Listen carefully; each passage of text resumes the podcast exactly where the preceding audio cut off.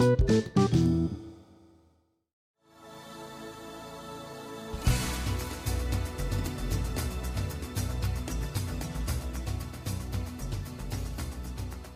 Christian, bagaimana caranya mengatasi kelebihan inventory atau overstock dari barang-barang yang slow moving?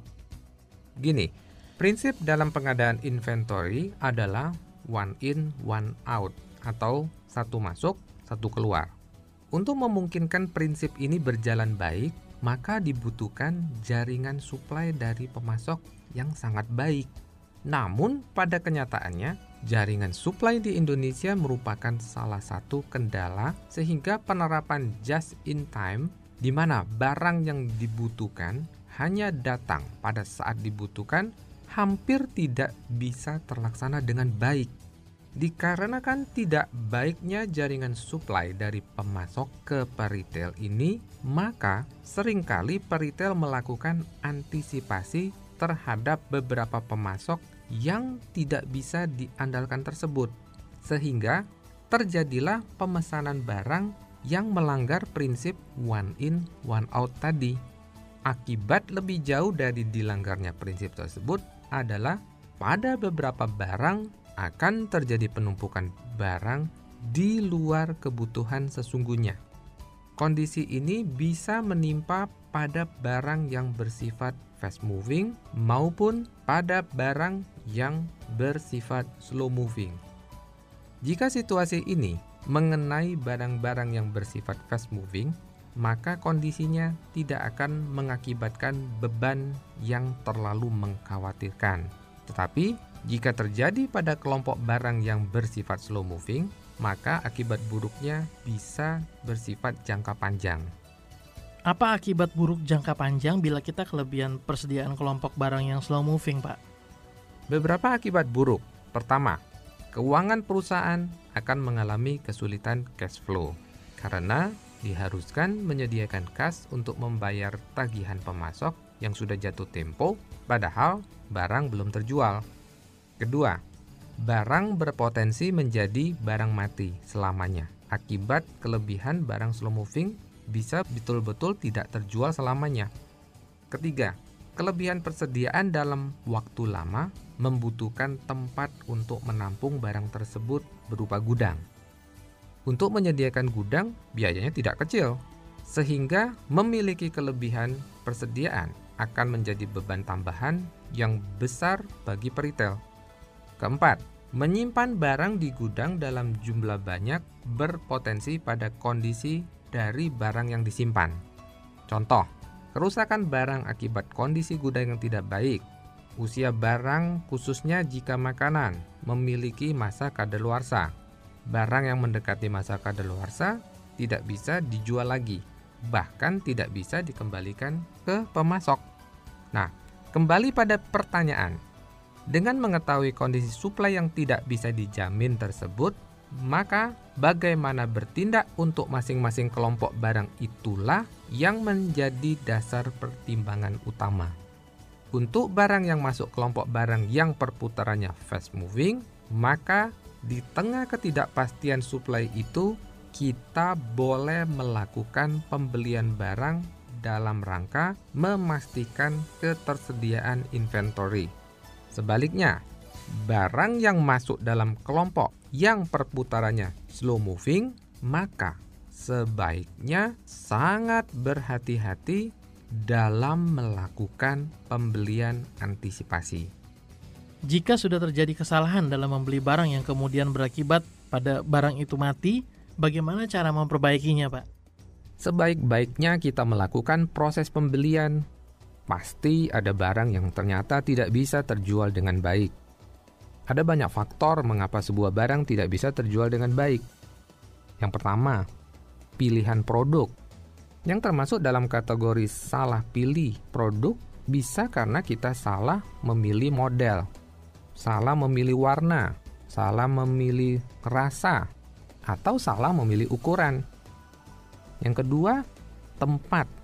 Seperti kita ketahui, tidak semua tempat membutuhkan barang yang sama Beda lokasi bisa menghasilkan perbedaan dalam kemampuan menjual barang. Salah lokasi bisa juga dalam penempatan barang pada rak barang dagangan. Jika barang ditempatkan di kategori yang salah, misalkan di kategori yang tidak berhubungan, maka bisa jadi konsumen yang membutuhkannya tidak bisa menemukannya di tempat di mana barang tersebut seharusnya berada.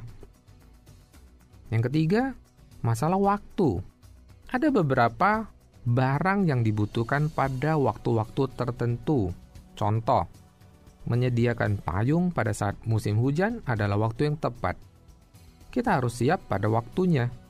Jika salah waktu, maka kita bisa kehilangan kesempatan menjual dengan baik dan bahkan bisa menimbulkan kelebihan inventory jika waktu pembelian inventorinya telat. Keempat, masalah target pasar. Siapa target pasar kita betul-betul harus diperhatikan. Jika di toko kita memiliki target pasar kelas bawah, maka pilihan produknya juga disesuaikan baik dari segi harga maupun dari selera. Termasuk di dalamnya desain, bahannya, motif, dan faktor-faktor yang menyangkut selera lainnya. Bagian yang bertanggung jawab terhadap pembelian harus sangat menguasai faktor-faktor di atas. Jika terjadi kesalahan dalam mengantisipasi faktor-faktor di atas, maka ada kemungkinan penjualan tidak berjalan dengan baik. Nah, dalam mengatasi barang yang tidak bisa terjual dengan baik, ada beberapa tahapan. Yang pertama, retur kepada pemasok. Pada saat bagian pembelian barang atau bagian buyer atau merchandiser melakukan pembelian barang, pasti ada perjanjian antara buyer dengan pemasok Perjanjian ini disebut juga trading term atau perjanjian dagang antar kedua belah pihak. Jika barang dibeli dengan sistem konsinyasi atau titip jual, maka harus ditentukan setelah berapa lama barang ada di toko kita yang boleh dikembalikan kepada pemasok. Hal ini diperlukan agar barang-barang di toko kita terlihat segar terus. Nah, bagaimana jika pembelian dengan sistem pembelian putus atau beli putus? Meskipun barang dibeli dengan sistem beli putus, barang masih dimungkinkan untuk dilakukan retur jika ada syarat-syarat yang terpenuhi. Sebagai contoh, pihak toko masih boleh meretur barang yang dibeli dengan sistem beli putus jika barang yang sudah dibeli setelah beberapa waktu dan setelah diupayakan dengan berbagai cara masih tidak bisa dijual. Maka setelah dicek, Ternyata dari 100% yang dibeli baru terjual kurang dari 30%. Maka barang bisa ditarik kembali oleh pemasoknya. Tentu saja hal ini harus disepakati sebelumnya dengan pemasok. Cara kedua, tukar guling. Masih terkait poin sebelumnya, barangkali pemasok tidak setuju jika perjanjiannya dengan sistem beli putus yang memungkinkan retur kepada pemasok. Dalam kasus ini, maka buyer bisa menegosiasikan di awal perjanjian pembelian bahwa jika barang terjual tidak lebih dari sekian persen yang disepakati, katakan tidak lebih dari 30 persen dari total pembelian, maka pihak toko masih boleh minta tukar guling. Tukar guling adalah istilah di mana pihak toko bisa menukar barang yang tidak laku dengan barang lain yang sudah diketahui akan lebih laku. Cara berikutnya atau cara ketiga adalah penurunan harga atau markdown.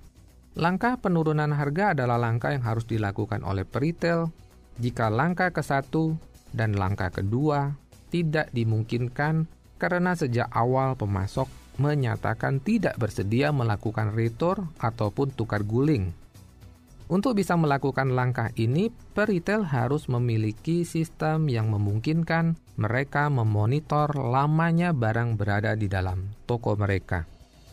Monitor terhadap barang yang telah dibeli bisa dilakukan secara manual maupun dengan bantuan teknologi informasi atau IT. Mengingat banyaknya barang yang harus dimonitor, alangkah baiknya jika kita menggunakan teknologi informasi dalam memantau pergerakan inventory kita secara lebih detail. Dengan bantuan IT, kita bisa menyediakan daftar barang yang telah berusia lebih dari waktu yang kita tentukan. Contoh, kita bisa minta dikeluarkan daftar barang yang telah berusia di atas 3 bulan. Setelah daftar barang dikeluarkan, maka kita tentukan langkah-langkah untuk membuat barang terjual kembali dengan lebih cepat. Beberapa langkah yang bisa dilakukan. Pertama, kita bisa menurunkan harga barang secara bertahap. Contohnya, barang yang memasuki bulan keempat dilakukan diskon 20% dari harga normalnya. Setelah dilakukan penurunan harga, biasanya barang akan mulai terjual lagi dalam kecepatan yang berbeda, tergantung dari jenis barangnya. Setelah satu bulan dilakukan penurunan tahap pertama dan dilihat hasilnya, maka bisa dilakukan langkah berikutnya, yaitu penurunan harga tahap kedua. Katakan saja diskon menjadi 50% dari harga normalnya. Setelah penurunan harga tahap kedua, maka barang akan mulai terjual lagi. Kita upayakan semaksimal mungkin agar barang habis terjual. Satu bulan kemudian kita evaluasi apakah barang habis terjual setelah dua langkah penurunan harga atau masih tersisa. Jika masih tersisa, maka bersama barang-barang yang lain yang memiliki kondisi serupa, maka kita bisa lakukan langkah penurunan yang ketiga, yaitu dengan memberikan diskon yang lebih besar lagi misalkan 70%. Setelah langkah ketiga dilakukan, masih tetap ada dua kemungkinan, yaitu barang habis sama sekali atau masih juga ada sisa. Jika setelah langkah ketiga dilakukan, barang masih belum terjual, maka bisa dilakukan langkah lanjutan antara lain menjadikan barang-barang dalam beberapa kelompok yang kemudian dijual dengan satu harga saja Misalnya semua dijual dengan harga 10.000 atau serba 5.000 rupiah. Langkah terakhir adalah mengeluarkan barang tersebut dari toko dan menyalurkannya kepada pembeli secara borongan yang akan menjual kembali barang keluar daerah. Nah, itu adalah beberapa tahapan yang bisa dilakukan bila mana kita mengalami kelebihan inventory apakah tidak rugi Pak melakukan penurunan diskon melebihi angka 30%?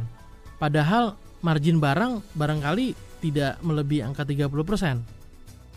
Uh, saya kerap kali mendapatkan pertanyaan serupa dari klien-klien saya. Memang betul, terkadang margin yang kita tetapkan barangkali hanya berkisar di angka 30% sampai 50%. Anjuran untuk melakukan penurunan harga melebihi angka 50% kerap kali dianggap langkah merugi.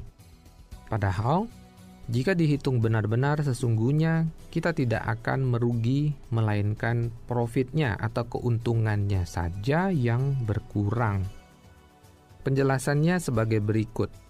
Ketika kita membeli berbagai jenis barang, maka karakteristik dari masing-masing barang akan berbeda-beda ada barang yang akan terjual sangat cepat, sebagian lagi akan terjual cepat, sebagian lagi akan terjual sedang-sedang saja, dan akan ada barang yang bergerak lambat, bahkan sangat lambat.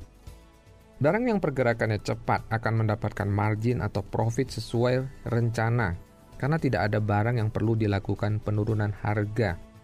Sedangkan barang yang pergerakannya lambat sampai dengan sangat lambat akan mengalami penurunan harga untuk membuatnya bergerak kembali. Namun demikian, terhadap barang-barang yang pergerakannya lambat ini pun, kelambatannya beragam. Ada barang yang terjual pada harga normal sebanyak 60%, dan sisanya selama berbulan-bulan berikutnya akan mengalami tahapan penurunan harga seperti yang telah saya sampaikan sebelumnya. Ada juga yang terjual dengan harga normal hanya 40%. Sisanya yang 60% akan mengalami tahapan penurunan harga sesuai tahapan yang direncanakan. Yang lebih parah, ada barang yang terjual normal hanya 20% atau bahkan kurang dari itu. Karena itu berarti sisanya harus melewati tahapan penurunan harga seperti yang sudah saya sampaikan sebelumnya. Dari kondisi-kondisi yang saya sampaikan di atas, jelas bahwa kondisi barang beragam sekali. Pada saat barang baru masuk, kita telah menetapkan margin yang direncanakan untuk setiap barang tersebut. Dalam perjalanannya, jika barang tidak terjual dengan baik, margin yang direncanakan akan mengalami koreksi akibat upaya menggerakkan kembali barang tersebut dengan menurunkan harga jualnya. Jika dihitung benar-benar, maka bisa diketahui bahwa sebenarnya aktivitas penurunan harga tidak selalu mengakibatkan kerugian melainkan mengakibatkan penurunan margin atau profit dari rencana semula untuk barang tersebut. Kombinasi dari barang yang bisa dijual dengan harga normal sesuai margin yang direncanakan dengan barang-barang yang harus dijual dengan markdown, inilah yang dikenal dengan mix margin atau margin yang sudah tercampur. Dengan bantuan sistem IT, kita bisa segera mengetahui berapa penjualan atau sales kita dan berapa harga pokok pembelian sehingga bisa diperoleh margin atau hasil kombinasi dari begitu banyak barang yang kita jual. Kadang-kadang retail tidak melakukan aktivitas markdown dengan berbagai alasan. Pertama, merasa rugi. Untuk alasan ini sudah saya jelaskan tadi jika dihitung benar-benar, maka sesungguhnya kita tidak rugi, melainkan margin atau profit perusahaan yang berkurang atau tidak sesuai rencana awal. Kedua, dikatakan barang masih bagus, sayang kalau diturunkan harga. Memang betul, barang terlihat masih bagus. Namun yang tidak bisa dibantah bahwa barang tidak dijual atau tidak terjual. Upaya untuk menjual barang dengan harga normal seharusnya dilakukan sebelum barang melampaui batas waktu yang telah kita tetapkan. Jika sudah melewati, maka ketegasan untuk melakukan tindakan bagi barang tersebut harus secara konsisten dilakukan. Jika tidak, maka hampir bisa dipastikan waktu akan berjalan. Jika kesempatan baik untuk menjual barang tersebut dilewatkan, maka pada titik tertentu barang tersebut akan betul-betul tidak bisa lagi diupayakan untuk dijual, meski dengan penurunan yang sangat besar sekalipun. Sebaliknya, kecepatan bertindak untuk menyelesaikan barang yang mati tersebut akan memberikan berbagai manfaat. Pertama, jika barang terjual, maka retail terhindar dari inventory yang mati sehingga dana tunai mengalir kembali Inventor yang menumpuk berarti uang terkunci mati pada barang. Lebih cepat terjual, maka lebih cepat terjadi cash in bagi peritel.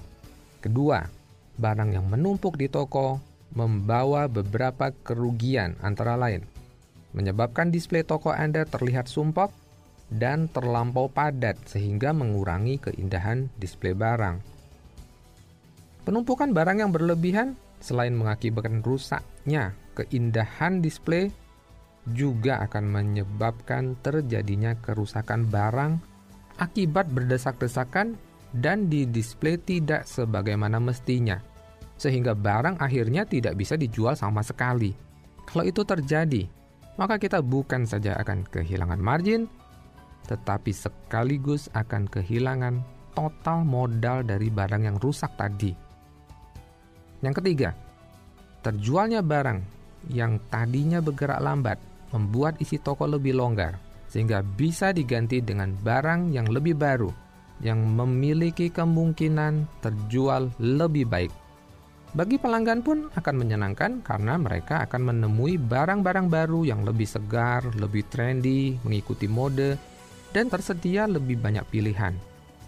Jika itu terjadi, maka mereka akan lebih sering datang ke toko Anda karena barang berputar cepat sehingga selalu mendapatkan barang yang lebih segar di toko Anda. Pendengar editorial audiobook yang saya muliakan, demikianlah pembahasan kita kali ini mengenai inventory management dalam sebuah bisnis retail. Dengarkan juga seri audiobook bisnis retail lainnya dalam Retail Excellence Series mendatang. Saya Christian Guswai untuk pendengar editorial audiobook.